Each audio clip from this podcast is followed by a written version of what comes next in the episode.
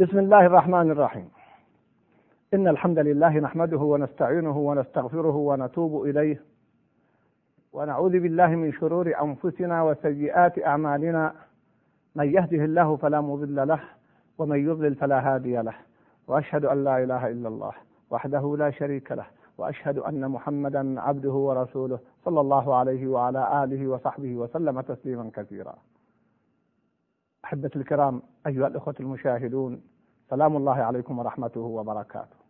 اليوم وفي هذه الحلقة استمعتم إلى هذا الحديث العجيب. حديث عماد رضي الله تعالى عنه. عن أي جانب نتحدث في هذا الحديث؟ وعن أي صفة نقف معها؟ إننا نجد ونجد في هذا الحديث مع قصره. وقفات ودلالات عظيمة جدا. أولا انظروا إلى أعداء الله. ماذا يفعلون؟ وماذا فعلوا مع رسول الله صلى الله عليه وسلم؟ مصداقا لقوله تعالى وكذلك جعلنا لكل نبي عدوا شياطين الإنس والجن. يوحي بعضهم إلى بعض زخرف القول غرورا. وكما ذكر الله جل وعلا أنه كلما جاءهم رسول قالوا عنه أنه ساحر أو مجنون. فقال الله جل وعلا معقبا على ذلك أتواصوا به؟ بل هم قوم طاغوا وهكذا يقال لأتباع الأنبياء إلى قيام الساعة. فقريش قد جندت نفسها للصد عن دين الله. والعجيب أنك تجد ماذا؟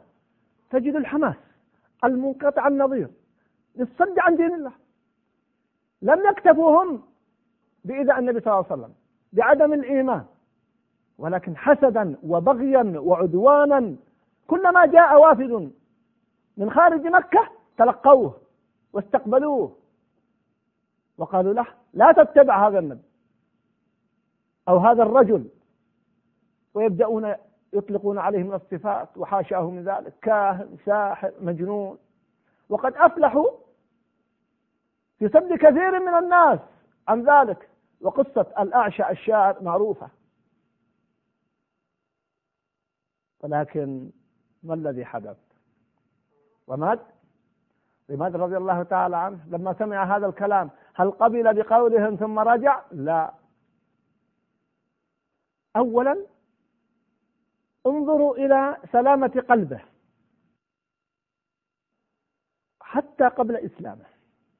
لما سمع بكلمة مجنون لم يكن يتوقع هؤلاء أنهم يكذبون عليه. قال أذهب إليه. لعل الله أن يشفيه على يدي. انظروا إلى عباراته العجيبة. الآن هو لم يسلم. فانظروا إلى هذه العبارات. فيقول وإن الله يشفي على يدي من شاء. سبحان الله. ويقول قبل ذلك لو أني رأيت هذا الرجل لعل الله أن يشفيه على يدي. عبارات تنطق بالتوحيد. مع أنه لم يؤمن. هذا الرجل فيه خصلة عجيبة جدا. ألا وهي الصدق.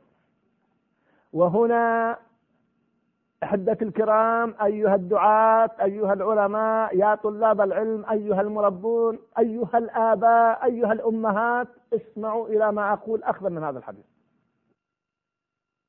كل إنسان له مفتاح في شخصيته. دورك أيها الأب أيتها الأم. دورك أيها العالم أيها المربي أيها الداعية أن تبحث عن مفتاح شخصيته من أجل أن تتسلل من خلالها إلى قلبه ليتحقق لك ما تريد.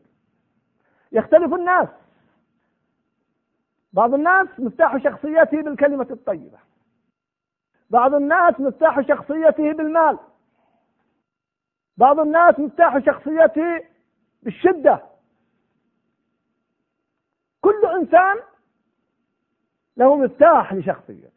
دورنا أن نبحث عن مفتاح الشخصية لنصل من خلالها إلى المراد. وهذا ينقلنا إلى مسألة أخرى وإن كانت فرعية في هذا الجانب. ألا وهي أنك من أجل أن تحقق ما تريد من أي إنسان من أبيك من أمك من مسؤول من عالم ابحث عن مفتاح شخصيته. فبذلك توفق وتنجح. الناس لا يقادون كلهم بأسلوب واحد. إذا كانت البهائم وهي البهائم تختلف قيادتها وأسلوب قيادتها من بهيمة إلى أخرى فكيف بالبشر؟ أصحاب العقول. لو أننا تأملنا في هذا الجانب وركزنا على هذه النقطة لأفلحنا في كثير من الأمور. مع زوجاتنا مع أمهاتنا مع آبائنا مع أولادنا مع إخواننا مع الداعي ومع المدعو. ولذلك على المربي على العالم أن يراعي من حوله أن ينزل الناس منازلهم هكذا فعل النبي صلى الله عليه وسلم. أدرك مفتاح شخصية رماد رضي الله عنه. فلما جاءه وقال له هذا القول ما رده النبي صلى الله عليه وسلم. وما سبه وحاشاه من ذلك. إنما قال هل انتهي أنا اسمع مني. فما هو أن انتهى؟ إلا أن انتهى صلى الله عليه وسلم. فإذا هو بسلاسة وبقوة يستجيب لهذا الإيمان ولهذا الدعاء. ويقول هذه الكلمات الرائعة في وصف الوحي. وهذا ينقلنا أيضا إلى نقطة أخرى مهمة. ما هي؟ الصدق. مفتاح شخصية. عماد رضي الله تعالى عنه الصدق. كان صادقا. ويدل على هذا المفتاح أول ما بلغه هذا الأمر أولا هو جاء من أجل أن يسلم وهذا دليل صدق. أنه لما سمع من قريش لم يأخذها قضية مسلمة بدأ إلى ذهنه. وضع الاحتمال لعل الله أن يشفيه على يده. هذا خصلة خير وطيبة. ثالثا أدبه مع النبي صلى الله عليه وسلم واستئذانه مع النبي صلى الله عليه وسلم. رابعا حسن استماعه للنبي صلى الله عليه وسلم. الصدق نحتاج إليه. وأحوج ما يحتاج إليه طلاب العلم الدعاة أهل القدوة. يحتاج إليه الأب في بيته. تحتاج إليه الأم في منزلها. أقول هذا لأن البعض قد تساهل في قضية الصدق. مش فنشأت مشكلات كبرى. حتى إن بعض الأطفال مع صغر سنهم على فطرتهم يأخذون على آبائهم وأمهاتهم الكذب والتجاوز. وهنا يحدث الخلل. الكذب خصلة ذميمة والصدق درجة عالية. ولا يزال الرجل يصدق ويتحرى الصدق حتى يكتب عند الله صديقا. يا أيها الذين آمنوا اتقوا الله وكونوا مع الصادقين. ولو صدقوا الله لكان خيرا لهم. والكذب خصلة ذميمة شنيعة. ولا يزال الرجل يكذب ويتحرى الكذب حتى يكتب عند الله كذابا. وهي خصلة تؤدي إلى النار كما في حديث مسعود رضي الله تعالى عنه. علينا أن نلتزم بالصدق في قلوبنا. وفي ألسنتنا وفي أعمالنا مع أولادنا مع إخواننا مع المسلمين وسترون عجبا. الصدق درجة عالية. أسأل الله يجعلنا وإياكم من الصديقين ومن الصادقين. نجد أيضا من هذه الوقفات المهمة. انظروا إلى حرص عماد رضي الله تعالى عنه على شفاء النبي صلى الله عليه وسلم. مع أنه لم يسلم. وقد صدق أو دخل شيء من قول قريش في أول الأمر. إذا أنتم أيها الأحبة أيها المسلمون إذا بلغكم عن بعض إخوانكم شيئا عن صاحب حاجة عن مريض عن معسر عن من في مشكلة هل نحن نسعى من أجل مساعدته؟ ومن يسر على معسر ماذا له من الأجر؟ يسر الله جل وعلا له في الدنيا والآخرة كما ثبت في الأحاديث الصحيحة. من فرج عن مسلم كربة من كرب الدنيا فرج الله عنه كربة من كرب الآخرة. إخوة الكرام الكلام سهل. انظروا خلق المبادرة عند هذا الصحابي قبل أن يسلم أقول. منذ أن بلغه وأخذ في ذهنه ما قالته قريش. قال لعل الله أن يشفيه على يدي. فهل نحن إذا بلغنا عن بعض إخواننا مصيبة مشكلة نبادر. قبل أن يطلب منا. أعرف رجلا من دعاة البدعة. أصبح في مدينته التي يعيش فيها له مكانة وله منزلة وله شأن مع العجيب أنه ليس بذاك العلم. لم يكن عالما. فتعجبت وسألت فوجدت فيه خصلة وجدت فيه مفتاح لشخصيته. أتدرون ما؟ كان إذا بلغه عن أحد أن عنده مشكلة أو مصيبة بادر في مساعدته حتى ولو كان من المخالفين له من أهل السنة بل من أئمة أهل السنة يبادر لحل مشكلاتهم يشفع لهم بدون طلب. فلذلك أحبه الناس. وهو صاحب بدعة.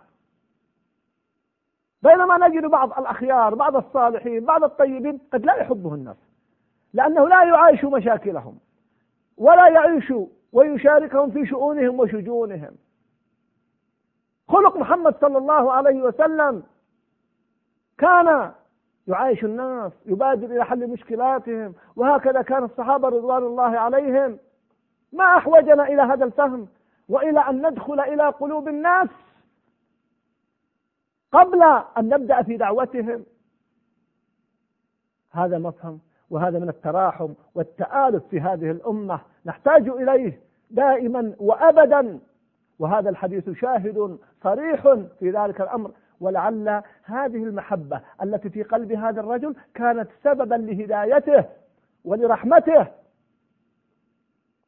فهنيئا له.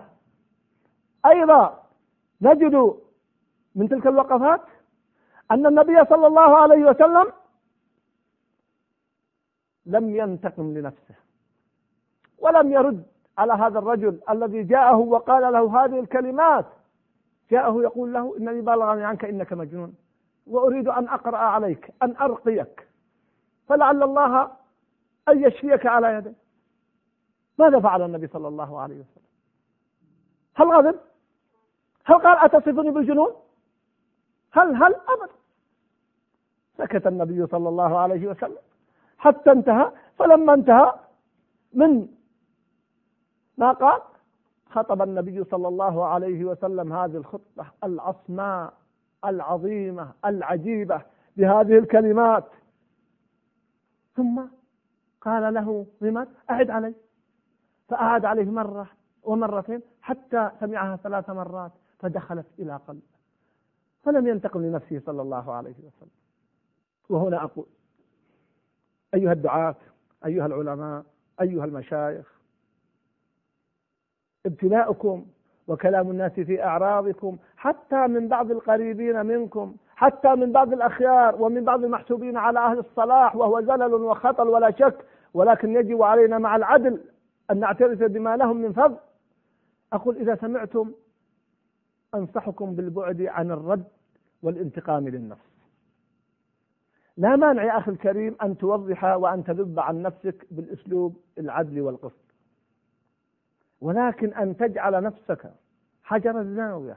كلما سمعت من تكلم عليك رددت وغضبت أخشى أن يكون الغضب لنفسك لا لله. وقد سمعت من أحد المشايخ كلمة أعجبتني. قال إذا أردت يا أخي الكريم أن تعرف هل غضبك لله أو لنفسك؟ انظر.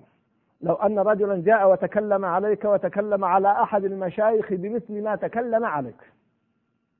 بباطل وزور وبهتان. هل أنت تغضب لذاك الشيخ كما تغضب لنفسك؟ إن كنت غضبت لنفسك وللشيخ سواء فإن شاء الله يدل على أنك على خير. أما إن كان غضبك لنفسك أشد وبردود فعل عنيفة فأخشى أن يكون الفرق بين غضبك لهذا الشيخ وغضبك لنفسك هو مقدار حظ النفس. وسمعت أيضا من بعض المشايخ من يقول أنا أحرص على ألا أرد على هؤلاء. قيل له لماذا؟ قال كلمات. قال أولا وخاصة إذا جاءت من بعض طلاب العلم والمحسوبين على الخير. قال أولا لا أريد أن ينتشر بين الناس الخلاف والشر والخلاف شر فقد ترك النبي صلى الله عليه وسلم معاقبة المنافقين حتى لا يتحدث الناس أن محمدا يقتل أصحابه. ثانيا قال أخشى من حظ نفسي وأن يتحول من أن يكون لله فيكون لنفسي. ثالثا أحب أن تبقى النفوس سليمة وطيبة إذا رجعوا. أسلم. وبدأ يعدد ويقول السلامة ألا ترد عليهم. يبقى قول سيقول لبعض الأخوة. ماذا نفعل؟ ألا نرد على الباطل؟ أقول نعم يا أخي الكريم. يرد على الباطل. لكن الأولى إن أمكن أن يرد غيرك فهو أولى. من تلاميذك من إخوانك من طلاب العلم من المشايخ. لأن القضية ليست قضية فلان وفلان هي قضية حق وباطل. بل إنه هو العجيب أنه إذا رد غيرك عنك ودافعوا عنك أدعى لقبول الناس. إلا إذا كان الأمر مقتصرا عليك لا يستطيع أحد أن يرد إلا أنت أي من إيضاح وبيان فلا حرج ولكن أنصحك بأن تنتبه لوجوب العدل. بعض الناس إذا خاصم فجر. وجوب العدل والقسط والوفاء وأن لا تتجاوز في ردك. الحدود الشرعية وأن تقتصر على مكان الشاهد. هذا أقول إن احتجت إلى هذا الأمر أو إن فعلت هذا الأمر. وأنا لا أحرم هذا ولكنني أنصح بالبعد عنه وهو منهج سليم. بل إن خصومك والذين يطلقون مثل هذه المواقف وهذه الكلمات إذا سكت زادهم الأمر شدة والسكوت أقوى رد لصاحب الهوى. أما إن كانوا يناقشون بحق وبدليل وبرهان فهذه مسألة أخرى. ليست داخلة في حديثنا. إنما يتكلم عن أولئك الذين يطعنون ويبحثون عن المثالب ويسبون. أنصحكم بالبعد عنهم. وإذا خاطبهم الجاهلون قالوا سلاما. وإذا مروا باللغو مروا كراما. هذا هو المنهج السليم وهو أسلم للقلوب وأخلص للأعمال وأدعى للإجابة. وهو نوع من الحلم الذي يجب أن نتصف به الداعية إلى الله جل وعلا. هذا منهج نفتقده لضعفنا ولأن الشيطان له مداخل في هذا الأمر. فأحب أحبة الكرام نحتاج إلى أن نقدم للناس براهين عملية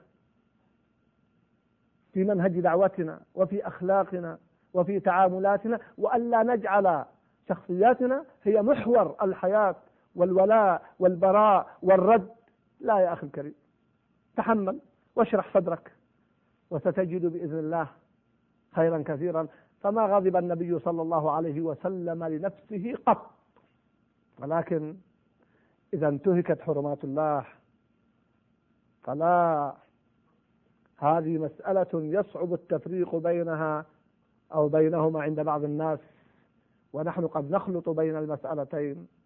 فاعفوا واصفحوا وبخاصة مع إخوانكم ولو أساءوا إليكم ولو تكلموا في أعراضكم ادعوا لهم واستغفروا لهم. وأختم بكلمة. أعرف بعض طلاب العلم يقول إذا بلغني عن أحد من أحد إخوة أساء إلي بدأت بالدعاء له. أبدا مباشرة فيزول ما في نفسي. وينتهي ما في القلب. أسأل الله جل وعلا أن يجعلنا وإياكم من المباركين وأن يطهر قلوبنا وأن يغفر لنا ولكم. والسلام عليكم ورحمة الله وبركاته.